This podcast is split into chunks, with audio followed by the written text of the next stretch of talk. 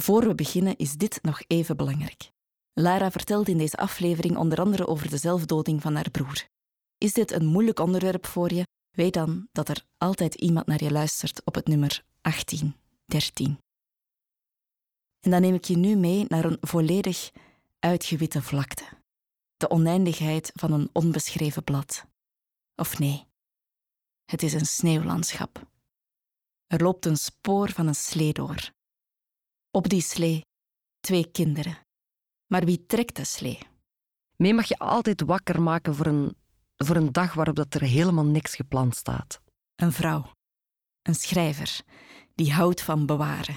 Dat is een hele mooie tijd geweest, maar dat is tegelijk absoluut ook wel de zwaarste periode van mijn leven geweest. Die het leven nam alsof het een verhaal is, tot het niet meer ging. Er is een hele, hele, hele hoge tol betaald. Vandaar dat ik ook zeg, het verhaal was opeens voor mij niet meer de grote goddelijke leidraad. Een schrijver die houdt van de verleden tijd. In een scheefgezakt sluiswachtershuisje dat zich schrap zet tegen de wind, schreef ze vier boeken, waarvan Pluto, waarvoor dat huisje de inspiratie vormde, het laatste is. Ze is een vrouw van de vlakte, haar open blik op oneindig. Aan het einde van de weg, rechtdoor. Daar vinden we Lara Taverne. Ik ben Anneleen van Offel, schrijver en ongelooflijk slecht in smalltalk. Het totale onvermogen om met de vraag hoe gaat het niet te verzanden in een SWOT-analyse van het leven bracht me al in best wat ongemakkelijke situaties. Maar hier kunnen we gelukkig de koetjes en de kalfjes op stal houden en schaamteloos naar de diepte duiken. Als een boek voorafgegaan wordt door een motto. Welke zin gaat dan in het leven van de schrijver voorop? Welkom in de zin van mijn leven.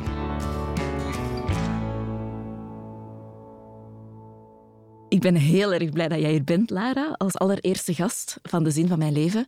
Ik heb altijd geleerd op het conservatorium dat je een interview nooit mag beginnen met een te grote vraag. Dus vandaar is mijn vraag aan jou. Wat is de zin van je leven? De zin van mijn leven, dat heb ik gelukkig mogen voorbereiden. Dat is het zinnetje: It's all a story, only a story. Dat is wel een prachtige zin voor een schrijver. Van wie, van wie is die zin? De zin is van Graham Swift, een uh, Engelse schrijver. Ja. En die komt uit een boek? En het boek heet Waterland. Dat is wel het motto van mijn leven, denk ik. Uh, ik, ben, ik ben me daar nooit helemaal bewust van geweest. Pas met terugwerkende kracht besef ik dat ik heel veel uh, beslissingen in mijn leven heb laten afhangen van de vraag: levert dit een goed verhaal op of niet? Of Anders geformuleerd zit ik als personage in het verhaal waarin dat ik wil rondleven. Um, dus bij moeilijke keuzes was, was die vraag vaak de doorslag. Kies ik hiervoor of daarvoor? Wat levert het mooiste verhaal op? In welk verhaal wil ik herinnerd worden? Of als welk verhaal wil ik dat mensen later over mij vertellen? Dus dat was een, een makkelijke leidraad of zo in mijn leven. Wat is dan voor jou een goed verhaal? Een goed verhaal is, is voor mij een verhaal wat, wat uh, opnieuw en opnieuw kan verteld worden. Ik ben als kind heel vaak bij mijn twee grootmoeders geweest. En eh, ik had één grootmoeder die um, zweeg over het verleden. Ook als we daar naar vroegen, dan antwoordde ze gepasseerd is gepasseerd. En we hadden een andere grootmoeder die onophoudelijk vertelde over vroeger. Alsof het nu zelfs niet bestond, alsof later niet bestond. Die was altijd in het vroeger.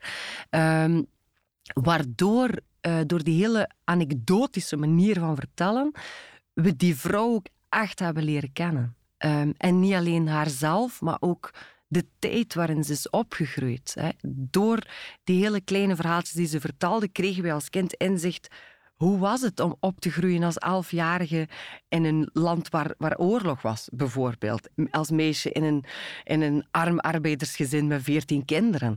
Um, terwijl onze andere grootmoeder die zei wel een keer, well, de oorlog dat was niet tof, of dat was zwaar. Of, maar dat, dat bleef niet plakken. Jij voelde je dan meer aangetrokken tot het verhaal, tot de als mijn grootmoeder het verhaal vertelde hoe ze met haar zussen over de muren klom van de, van de achtertuintjes om zo de schellen van de aardappelen te gaan stelen, om die thuis nog een keer opnieuw te schellen en te bakken in de pan, zodat ze dan eten zouden hebben.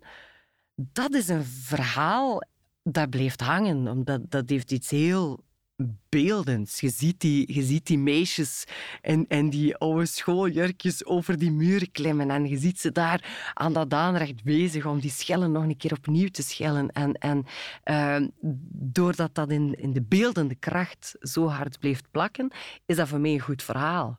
Ja, ik kreeg inzicht in een personage, ik kreeg inzicht in een fictionele wereld, zoals het een goede roman moet zijn. Dus op die manier uh, wilde ik verhalen construeren van mijn leven. Dat, dat mijn kinderen of kleinkinderen zouden zeggen van ah, Lara, dat was die. En dat je dan dat soort verhaal zo kreeg. Is dat een manier om, om controle te krijgen ook over het, het beeld dat mensen van jou hebben? Ik denk het wel. Ik, ik denk het wel. En, en, in die zin, ik vond het altijd een hele mooie manier om te leven. En ik dacht, oh, ik heb echt de beste manier gevonden. Terwijl nu met ouder worden, kom ik er ook wel achter dat dat ook een, een een vrij narcistische vorm van leven is, waarbij dat je wel heel erg gericht bent inderdaad op hoe word ik gezien, welke constructie maak ik van mezelf, uh, wat, wat, wat inderdaad zeer, zeer egocentrisch is. En, ja, en, wat laat je buiten beeld ook, denk ja, en wat laat je buiten beeld, was grapje. En, en, uh, dus in die zin is het zeker een manier geweest, zeker in mijn opgroeiende jaren, om, om een een beeld te construeren van mezelf, waar dat ik in geloofde, waar ik dacht, daar ga ik ook uh, zekerder van worden. Want ik denk dat onzekerheid wel uh, de hele drijvende kracht was om uh, zo te gaan leven. vanuit mezelf, zonder een structuur van een verhaal, eigenlijk niet zo heel goed te weten hoe dat moest leven. en dat dat makkelijker ging als je boeken las en films keek van... Oh, misschien moet ik het in die vorm gaan doen. Ja, ja, ja. En jezelf echt als een personage neerzetten in een verhaal ja. dat jij construeert over jouw leven. Ja. Uh, ja, bijvoorbeeld zoiets als verliefd worden. Dat is zo, zo onthutsend. Zo je hele identiteit verbrokkeld, bij wijze van spreken. In die zin had ik daar in die eerste keren dat mij dat overkwam heel veel aan om in boeken dan te lezen, hoe gaan ze daarmee om? En ik dacht dan, ah, nu, nu doe ik het goed. Ik, ik ben ook obsessief verliefd en ik, en, ik, en ik volg mensen en ik schrijf ze maar brieven en ik zwalg in het verlies en ik zwalg in het missen. Terwijl ook opnieuw daar heb ik wel zo met terugwerkende kracht dat ik denk, was dat eigenlijk wel zo'n goed idee om, om het verhaal als voorbeeld te gaan volgen? Hè? Dan krijg je zo'n ja, beetje het... Ja ja. Madame Bovary-syndroom van, van de, de vrouwen die te veel zeer romantische boeken hebben gelezen en zich daaraan spiegelen. Ik denk dat ik daar wel een stukje last van had. Om, ja, want hoe zag dat er dan uit? Het leven als een verhaal?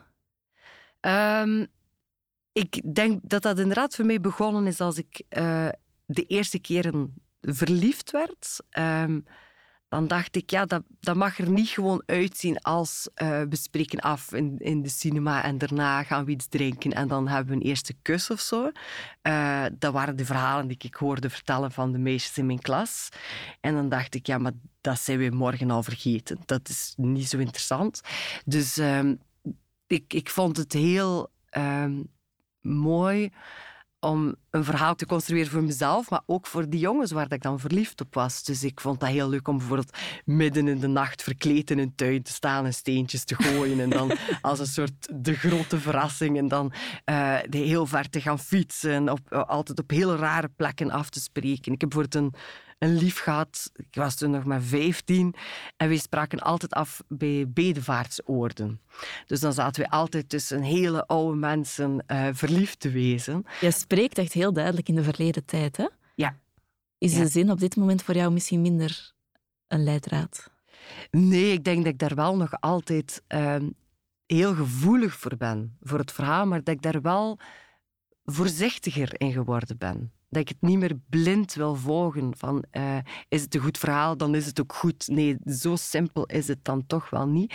Maar ik ben er heel vatbaar voor. Uh, zo de, de plekken waar ik woon, de mensen die ik kies, uh, de kleren die ik draag, de, hoe dat ik mijn huis inricht, is altijd wel gericht op de vraag ziet het eruit als een filmscène. Vertelt het iets? ja, ja, vertelt het iets. Ja, want er is nog een groot verschil, vind ik, met zelf boeken schrijven en eigenlijk leven in een verhaal en van je leven een verhaal maken. Ja. Dus leven naar het verhaal. Ja. Het vergt ook een soort van ja, opoffering of zo, zou ik bijna durven zeggen. Ja. Alsof jij jezelf als mens in de strijd van het verhaal gooit. Ja, soms ben ik daar ook wel geschonden uitgekomen, dat klopt wel. Maar een opoffering is toch een. Dat, zo heeft het toch nooit gevoeld. Ehm, ik denk dat het eerder voorkomt vanuit een. Uh, een soort grote angst om hier te zijn. Zo dingen die in, in mijn laatste boek Pluto ook wel beschreven worden, zo, die het eerst voelbaar waren in een kleuterklas. Het aanwezig moeten zijn in een groep, het gezien worden, het niet goed weten hoe moet ik staan op een speelplaats, hoe moet ik zitten op mijn boomstammetje in de klas, um, hoe moet ik praten. Ik heb in de eerste drie jaar in de kleuterklas niet gesproken. Allee. Uh, ik, ik, ben daar nu ruimschoots Ja, voor iemand die zo graag vertelt.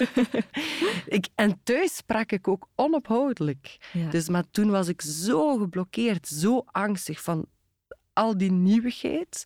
Um, dus ik denk dat, dat er ergens een soort angst is om, om aanwezig te zijn. Een soort, ik ga het anders formuleren, een soort verlangen om onzichtbaar te zijn.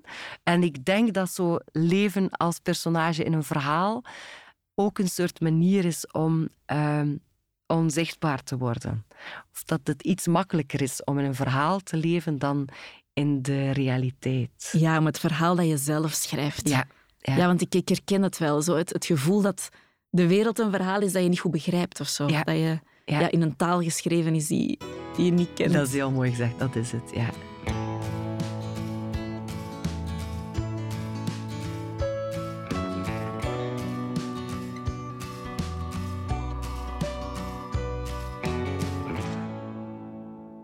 Pluto hè, is ook geschreven na het afscheid van je vorige huis. Je woonde in een sluiswachtershuisje.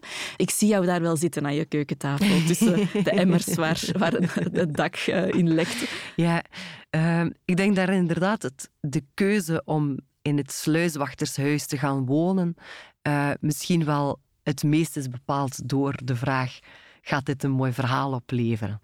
Uh, dus mijn man is een Nederlander. We woonden in Amsterdam. We woonden op de Herengracht. Uh, wij woonden daar wel gratis, want mijn man die is er altijd in geslaagd om op hele mooie plekken te wonen en altijd gratis. Ik zou eens uh, met je man moeten gaan praten ook. dus we zaten daar eigenlijk goed. En toen gingen we op bezoek bij mijn ouders in Brugge en dan gingen we daar een fietstocht maken. En uh, plotseling, na heel lang fietsen langs het kanaal, we waren echt al ver diep het platteland in, uh, zagen we plotseling een, een, een, huisje staan beneden aan de dijk. Een, een huis waarvan de helft van het dak was ingestort. En aan de rechterkant van het huis heb je een oude sluis, dus een, grote overgroeide spuikom met een oude sluis, een, een eikenhouten sluis, voor de helft vermolmd. En links van het huis heb je een hele grote boomgaard en die is ook helemaal overgroeid. Bramen, brandnetels enzovoort. Dus we hielden daar gewoon pauze, we zaten daar op die dijk en... Uh, ik zeg nu mijn man en ik, maar op dat moment kenden we elkaar, denk ik, twee maanden. Um, en wij hadden eigenlijk ook niet het idee um, dat die relatie voor altijd zou zijn. Wij leefden zo'n beetje van dag tot dag ja. heel zoekend. Eh, vinden we elkaar leuk of niet? We vonden elkaar eigenlijk wel leuk, maar van het idee altijd vonden we alle twee heel uh, beangstigend. Dat is ook iets waar je nog niet mee ja, bezig bent. Zeker niet. Dus uh, wij zaten daar op die dijk en bij ons allebei uh, gebeurde iets uh, waarbij dat wij plotseling alle twee onze een soort toekomst verbeeld zagen daar op die plek. Uh, bij mijn man was dat zeer praktisch van wow, hier zou ik een gigantische moestuin kunnen beginnen. Mijn man is landbouwer van opleiding, dus die zag dat helemaal zitten. Die boomgaard, ja, hij had altijd in, in uh, kersenboomgaarden gewerkt, dus die had zoiets van, wauw, dat mogen opsnoeien en daar dingen maken die lawaai maken tegen de vogels, dat ga ik weet niet tof zijn. Ik zelf zag me daar eerder van, oh, zo een mooie jurk, maar met plastieke botten, dat gaat wel goed zijn. En kinderen zag ik daar. Dus op, zonder dat we daar eigenlijk over gesproken hebben, bleven wij daar zitten. En wij bleven daar maar zitten. Terwijl dat was eigenlijk de bedoeling dat we daar een pauze zouden houden. En toen ging mijn man terug naar Nederland. En toen heb ik achter zijn rug nagezocht van wie dat huis was. Um, en die mens een brief geschreven. En um, ik heb altijd heel veel brieven geschreven, omdat ik altijd dacht dat levert dingen op. Brieven, dat levert iets op. En uh, dat is wel de brief die heel veel heeft dat opgeleverd. Wel zijn, dus uh, die, die man van wie dat huis was, die heeft heel snel geantwoord. En die zei, kijk, als jij daar zo graag wil wonen, dan ga ik de sleutel brengen. Maar Ja. en, ik, en ik vroeg van, ja, maar ja, hoeveel huur moeten we dan betalen? Want we hadden echt helemaal niks van geld. En die zei, maar ja, ik ben ik geen onmens. Hè. Daar kan ik toch geen geld voor vragen. Dat, dat, dat huis is, dat is een krot. Hè. Zei, heb je dat wel goed gezien? De, de, de ramen waren ingegooid, dat dak was, er was geen water, er was geen elektriciteit. Dat had vijf jaar leeg gestaan nadat er een moord was gepleegd. Dus daar ging ook een er was een moord gepleegd. lugubere sfeer. Dus niemand ja. wilde daar wonen, niemand wilde daar iets mee te maken hebben. Uh, maar we hebben dat dan toch gedaan. Dus daar gaan wonen. En dan zit je toch, denk ik, in een koud huis. Word je niet wakker uit de droom dan? Um, de eerste keer dat ik wakker werd uit de droom was toen ik effectief die deur heb opengedaan van dat huis. En zo levend in de fantasie had ik een bepaalde voorstelling van hoe dat zou zijn. Zo'n soort heel romantisch huisje waar de tijd was stilgevallen.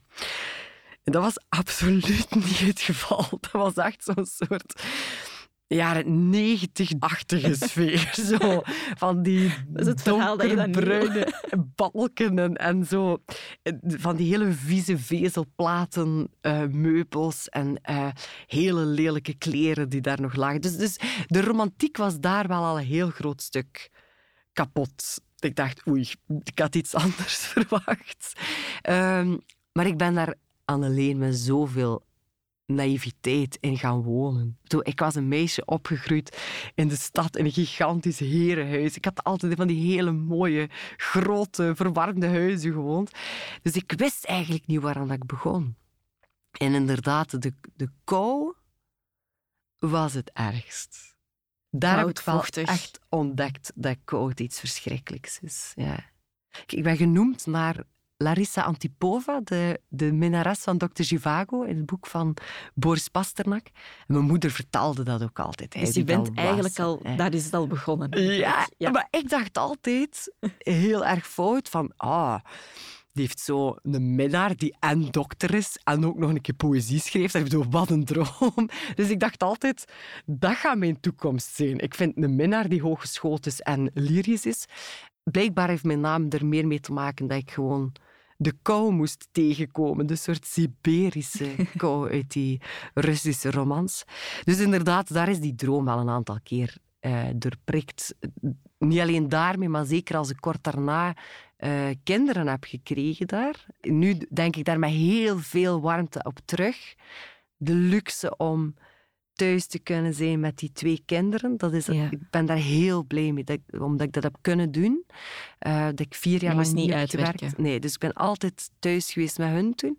Uh, dus dat is een hele mooie tijd geweest, maar dat is tegelijk absoluut ook wel de zwaarste periode van mijn leven geweest. Uh, om verschillende redenen ja, die kinderen grootbrengen in zo'n zeer primitieve omstandigheden. Dat was zwaar. We moesten elke dag water halen bij buren. Dus dat was met de bakfiets. Een kind in een draagdoek, één oh achter op de fiets. Die de bakfiets gaan vullen bij de buren met water. Dat we weer water hadden om te koken, ons te wassen enzovoort. Um, dus er kwamen heel veel praktische dingen bij. Er was ook voortdurend moest er hout gehakt worden, hout gehaald worden. Die kachel moest blijven branden.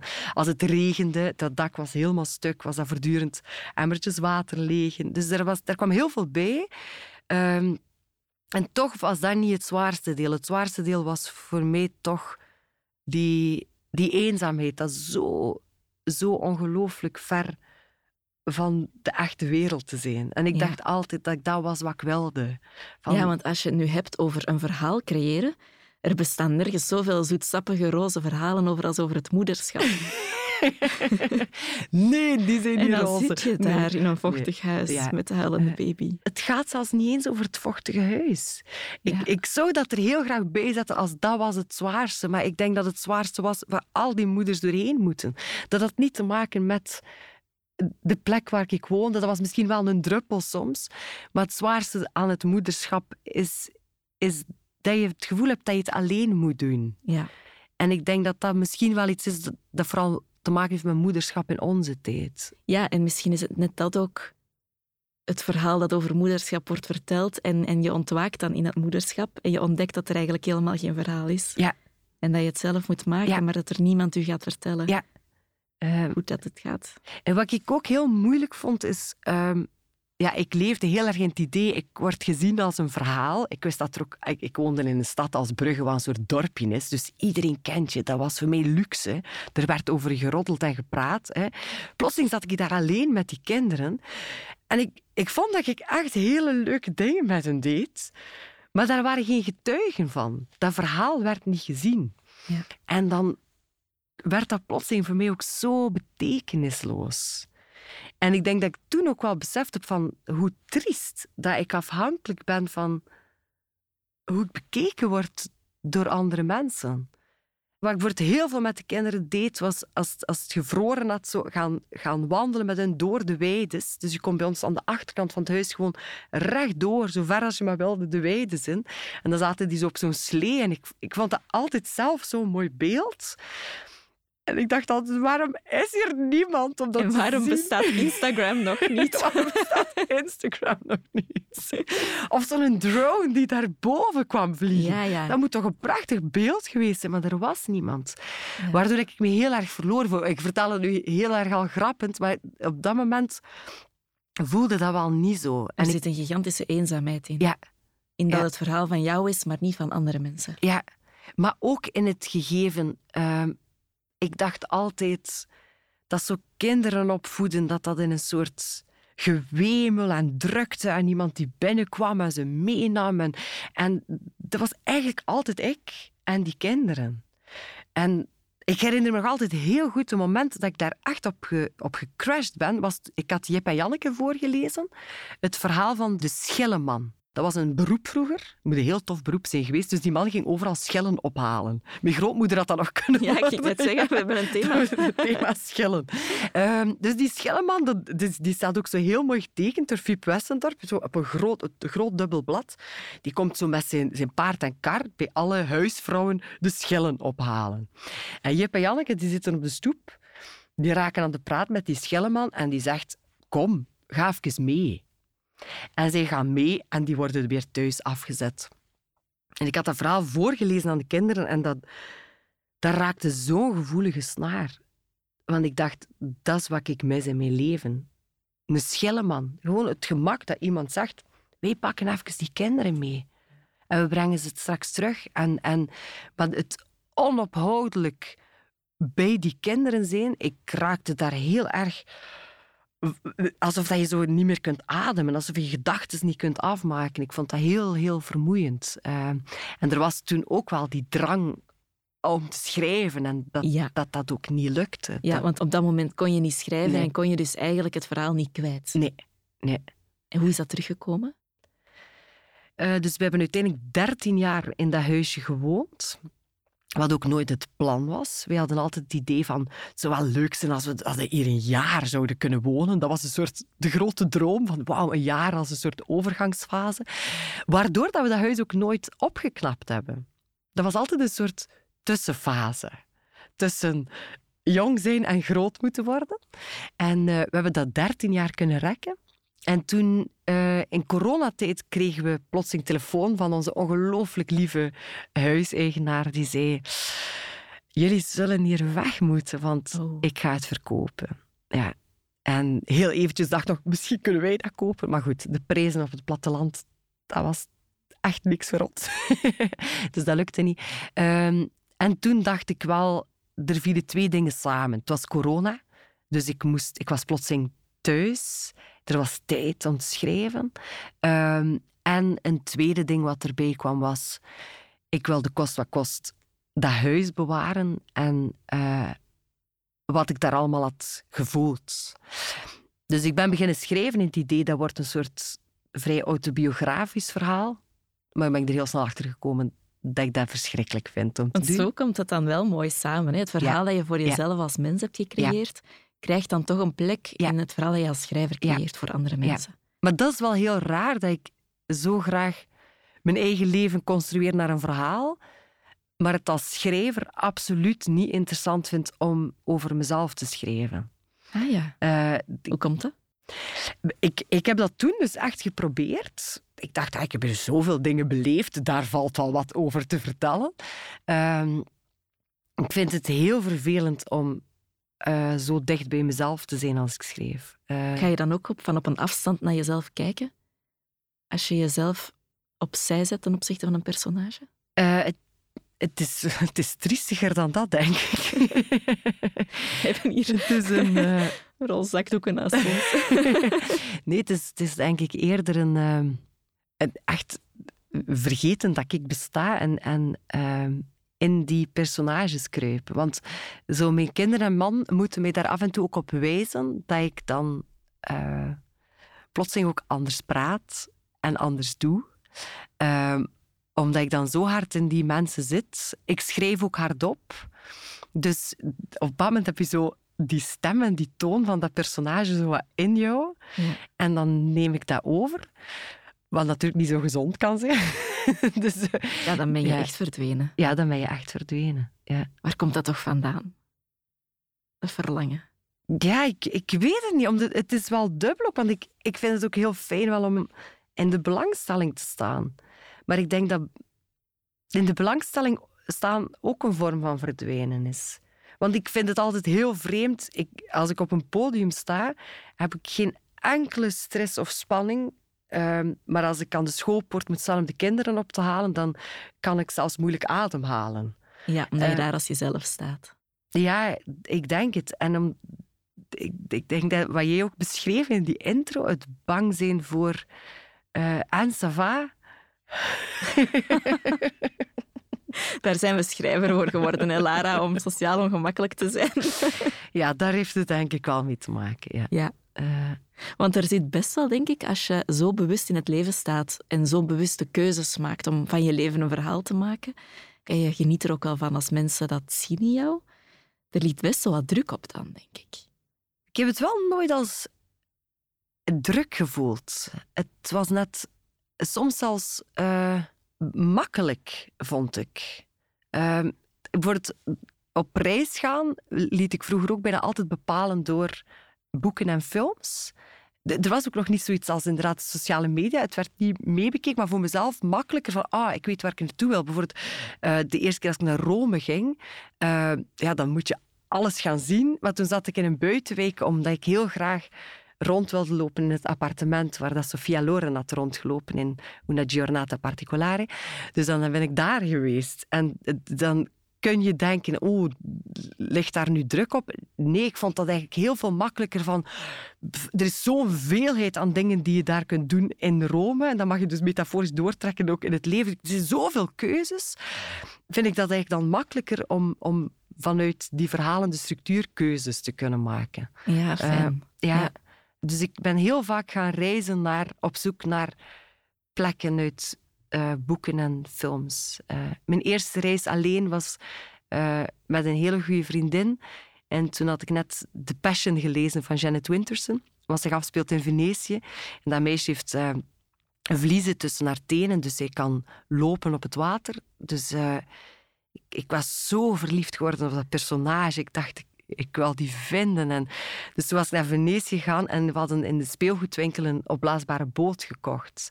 Ja, we waren meisjes van 16, dus waren heel klein. En uh, toen hebben we dus heel Venetië bezocht met die, met die opblaasbare boot. boot. Dus wij lagen daar de hele tijd in dat bootje. En dan...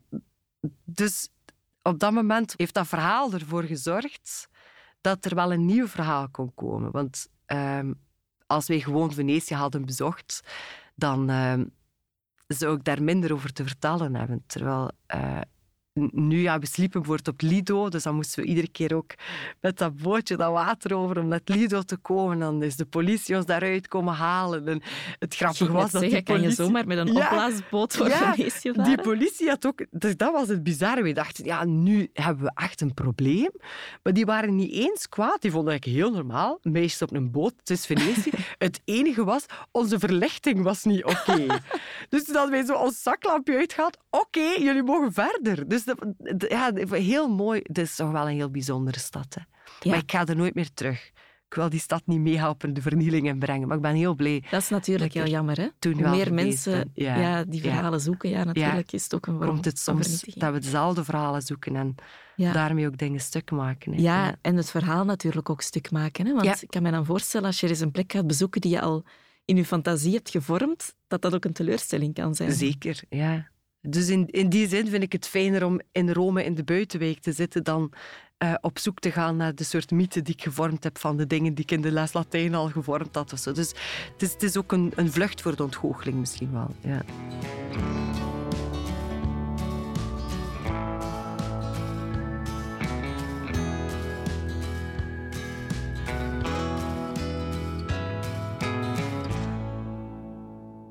Ja, je hebt wel iets met water, Lara. Ik zie jou daar zitten op dat bootje in Venetië. Ik zie jou in een lekkend huis naast een sluis uh, zitten.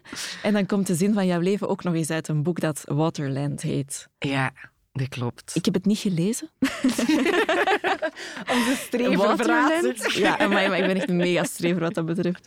Ja. Het prachtige Waterland. Nee, wat ik nu ga voorlezen is eigenlijk gewoon Um, ja, dus, dus hoe, het, hoe het verkocht wordt. Als een familiekroniek, een autobiografie, een streekroman, een geschiedenisles, een detective story, een boek over paling, de Franse revolutie, windmolens, moord, liefde, onderwijs, nieuwsgierigheid en over het kwaadaardige gezegende element water. Mm. Waarom is dat boek bij lijve plakken bij jou?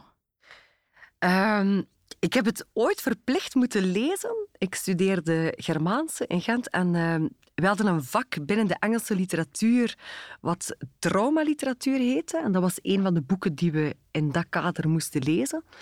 Um, en dat boek heeft mij ongelooflijk geïnspireerd door precies wat je net opsomt door de veelheid die daarin aanwezig is. Ehm, ik ben zelf een, een, een, schrijver die heel graag veel geeft. Um, soms ook te veel geeft.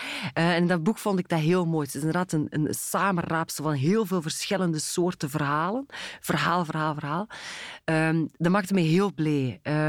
en natuurlijk ook het, het gegeven, het, het, het uitgangspunt dat huisje, dat sluiswachtershuisje en die twee broers die daar opgroeien met een vader, een vroeg gestorven moeder, uh, dat, heeft wel, dat is wel echt blijven hangen. Ja, want het speelt zich dan ook nog eens af in een sluiswachtershuis. Dus ik vermoed dat wat ik daarnet verteld heb, van als we daar die pauze hielden bij het sluiswachtershuis in het idee van plotseling zien we daar een toekomst, dat dat ook misschien wel al een stukje gevoed was door het boek dat ik gelezen had in mijn studententijd, door Waterland. Ja, ik ben daar blijkbaar heel vatbaar voor. Dat sommige dingen, soms zijn het dus maar details, als wordt nu dat huis daarin bleven hangen en dat ik dat dan toch als een soort... Een herkenning. Een herkenning, een voorbeeld zie. Alsof dat, dat zo de, de dwaallichtjes zijn in het donker van oké, die kant op. Dat is de goede kant. Het verhaal heeft jou uitgezocht eigenlijk, in dit geval. Is een schrijver in zekere zin ook een sluiswachter? In de zin van dat wij ehm, mensen kunnen doorlaten van de ene kant naar de andere kant. Uh, ik vind dat wel een hele mooie. In het geval van ons huis zou je de metafoor zelfs nog dubbel kunnen doortrekken, want de laatste persoon die er gewoond heeft uh, was de sluiswachter, maar die was ook de veerman. Och, oh dus, uh, het, het huis had de sluis tussen het grote kanaal en het kleine kanaaltje. En uh, het grote kanaal was ook, uh, daar lag ook een roeiboot waar die man David Jonkheer heette, die de overzet voorzag tussen dat wat toen Sint-Pieters en Sint-Andries was, de twee deelgemeentes van Brugge. Ehm, dus in, in, en dat is ook wel een, een, metafoor die ik heel erg gebruikt heb in, in Pluto. Um, wat heel bijzonder was, toen, toen wij in het huis gingen wonen, uh, waren die tekenen van die, van die veerboot nog heel zichtbaar. Die, die aanlegstegers waren er nog, maar zo nog met drie planken. Uh, voor de, de, paal waar de bel aan hing aan de overkant van het kanaal, die hing er nog maar geen bel meer. Uh, de, de roeispanen lagen, hebben we nog in ons huis gevonden. Dus um, die, het idee van, van die overzet um, is iets wat ik dan in mijn boek vooral gebruikt heb als de overzet tussen de levenden en de doden. Hè. Het, soort zoeken naar in hoeverre kun je nog een keer de hand uitreiken naar die mensen die dood zijn. Uh, maar dat klinkt nu als een soort zeer esoterische, rare roman, wat het inderdaad wel niet is. Uh, en wat, dat is eigenlijk wat een sluiswachter ook doet. Hè? Het, het, het water op die manier regelen, zodat je toch door kunt. Um, ik, vind, wel, ik vind het een hele mooie. Of ik heb mezelf eigenlijk nog nooit zo belangrijk als schrijver gevonden, maar ik, ik, ik vind het wel een, een, een, prachtig beeld dat wij inderdaad als, als schrijvers um, dingen presenteren waar mensen een soort herkenning in vinden, waardoor dat ze op dat moment samenvallen met iets wat ze misschien nog nooit verwoord hebben en daardoor een stukje verder door kunnen. Of dat heb ik zelf al soms met boeken. Vind ik zelf heel mooi in literatuur. Als ik op dingen stoot, ik denk, dat is precies wat ik altijd denk, maar ik heb er nog nooit die woorden voor gevonden. Ja. En dan kan het bootje wel weer een stukje verder. Ja. Uh, mooi Anneleen, mooie vergelijking. Zullen we, zullen we eens een stukje uit Pluto lezen? Dat doet me heel erg denken aan het, aan het fragment over de verzamelingen. Het is een... Ja, het, niet het hele boek speelt zich natuurlijk af in, in het huisje Pluto. Ehm, we zien eigenlijk het hele levensverhaal van Antonia. En het is een, een stuk uit het begin, als ze ehm, voor het eerst um, weg moet uit dat hele hectische gezin van... Uh, vier zussen en een alleenstaande, nogal gekke moeder. Dus voor het eerst wordt ze losgemaakt uit die wereld en komt op school terecht.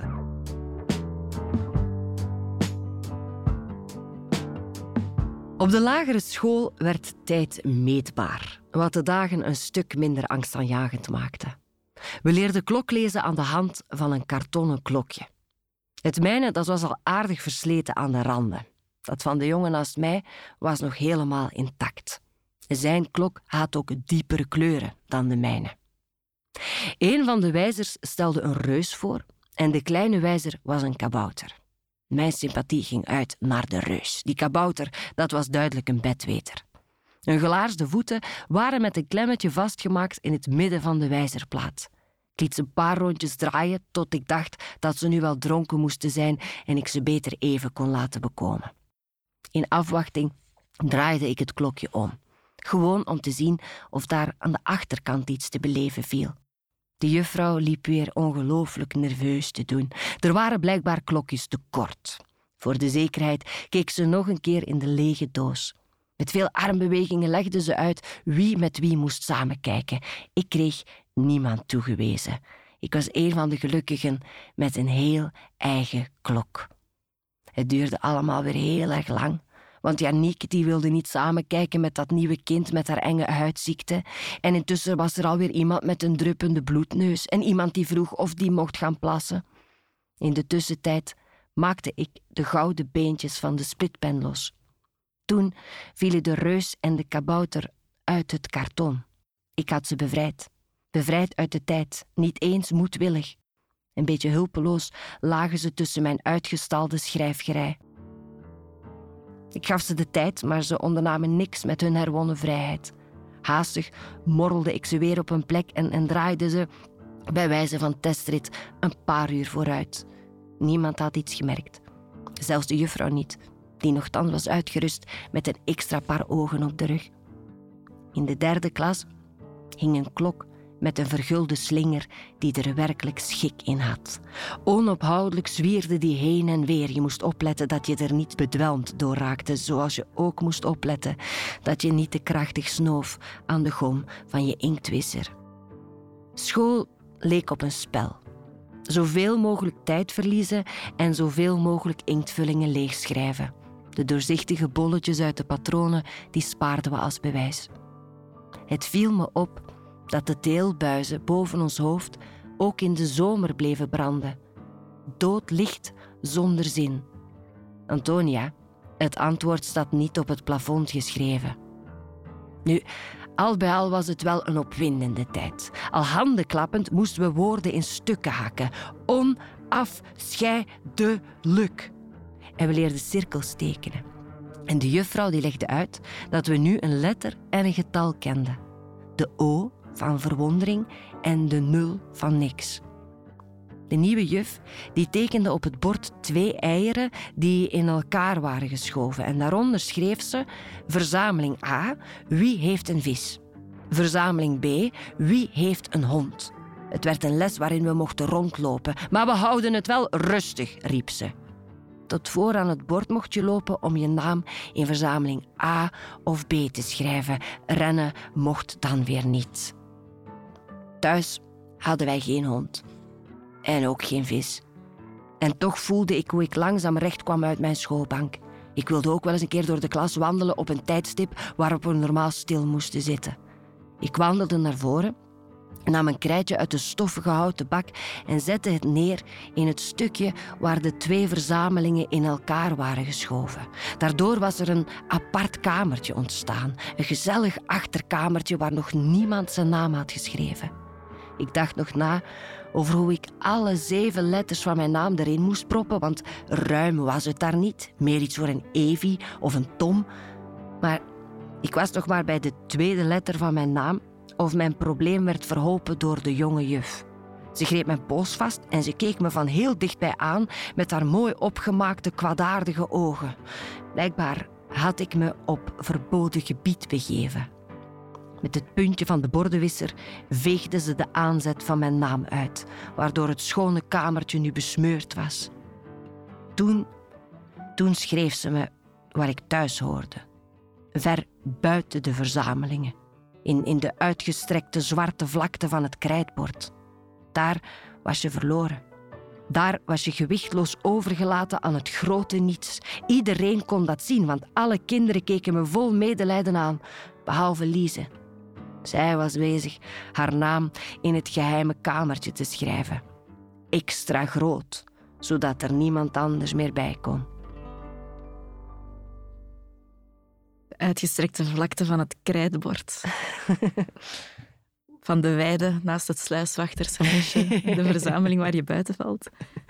Ja, ik, ik ben altijd heel bang geweest voor de uitgestrekte vlakte van het krijtbord. Um, we hadden een juffrouw die zo het begrip oneindig had uitgelegd. Door zo gewoon met het krijtstreepje van het begin naar het einde van dat bord te gaan. En toen zei ze, nu moet je blijven denken dat die lijn doorgaat en doorgaat en doorgaat. Dat, dat beeld is zo blijven hangen dat dat heelal dat zo samenviel met dat krijtbord daar toch in het boek terecht moest komen. Ja, ja en daar zitten wij allemaal in. Ergens op dat krijtbord. Ergens op dat krijtbord. is een verhaal dan een troost? Um, een verhaal is altijd een troost, ja, Anneleen. Ja, voor mij is dat wel, ja. En ik merk dat bij mijn kinderen ook. Um, als ze het zo echt niet meer weten, um, dan kun je wel zeggen, ik begreep dat ook, of ik heb dat ook wel gehad. Met meest troost biedt het toch als je ze een verhaal geeft van jezelf, waarin dat ze zien, oh, mama heeft het echt ook wel gevoeld.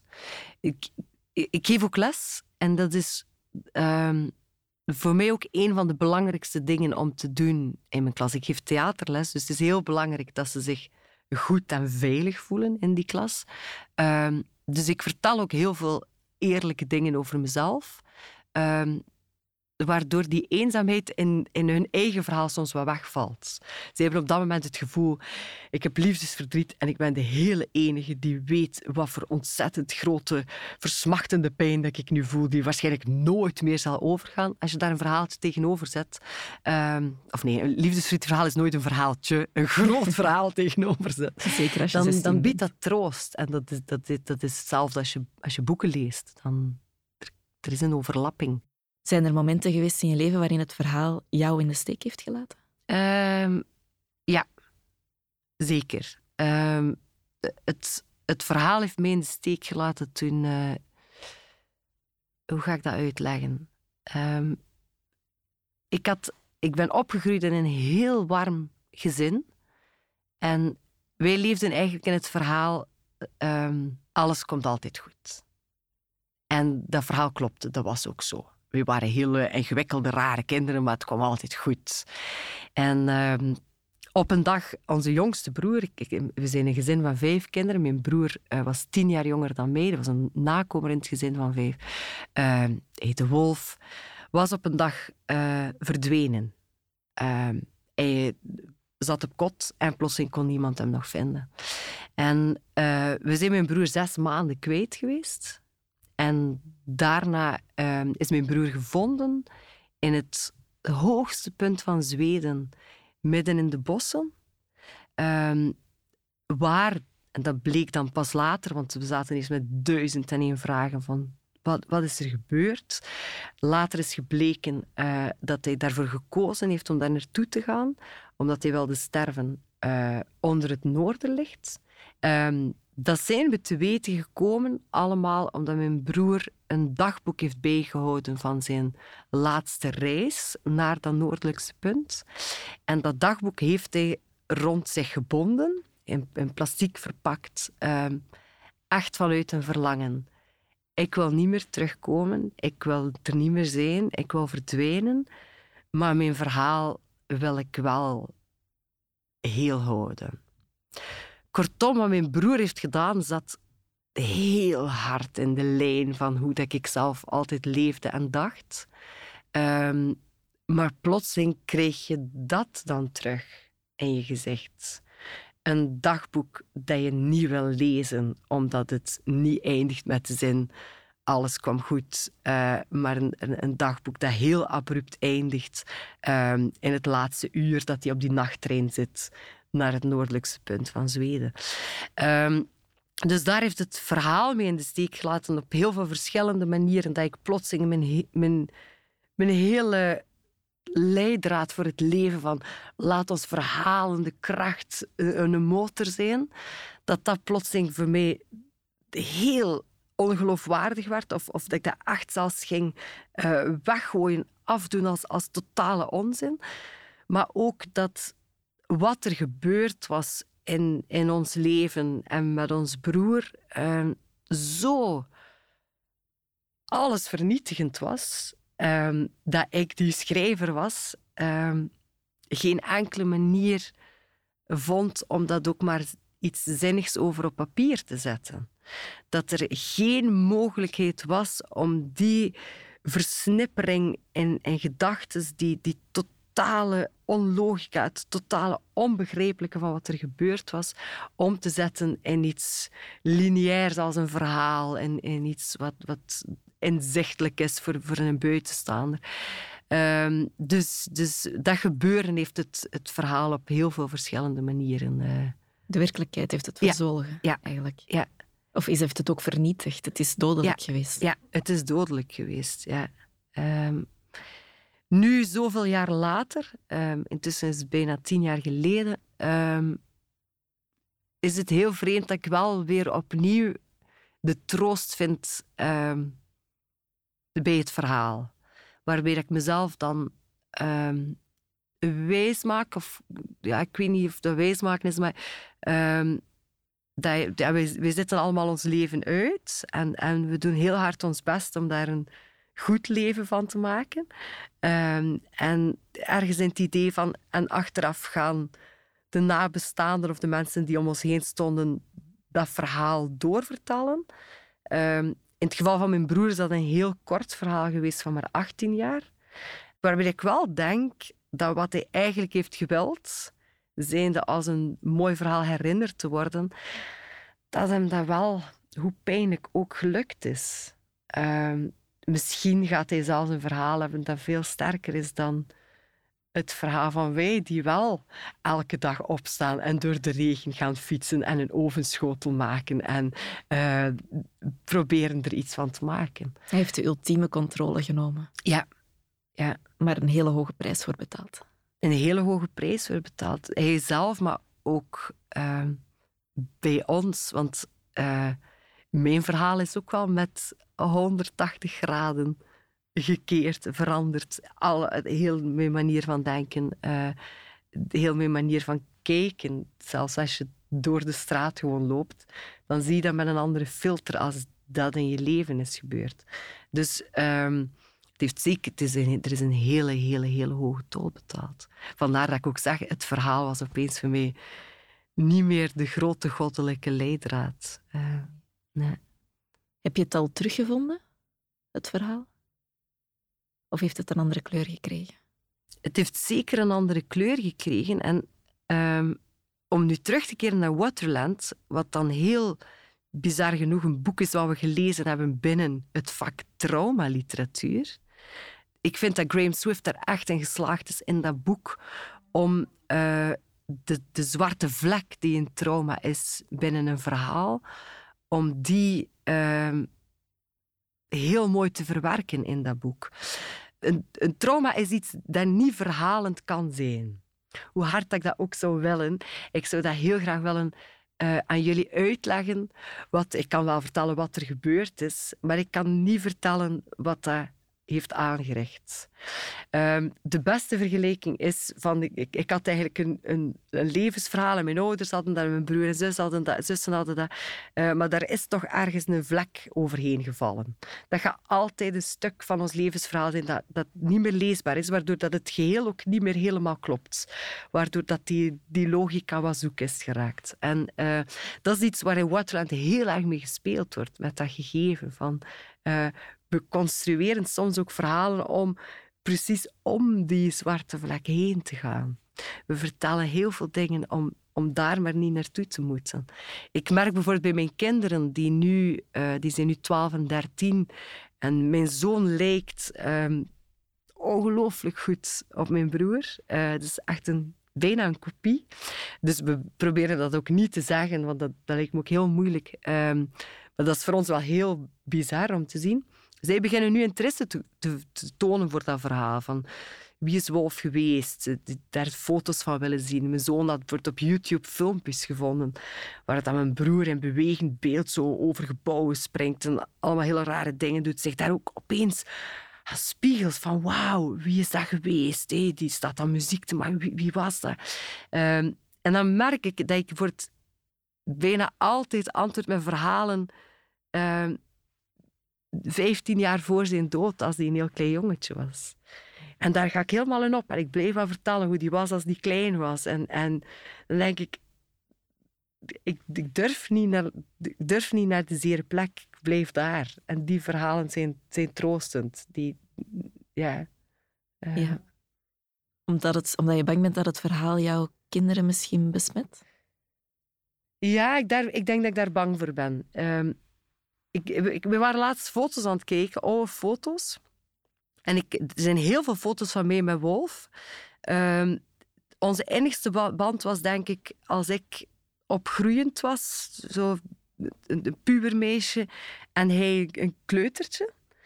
En heel bizar, op bijna al die foto's ben ik aan het voorlezen.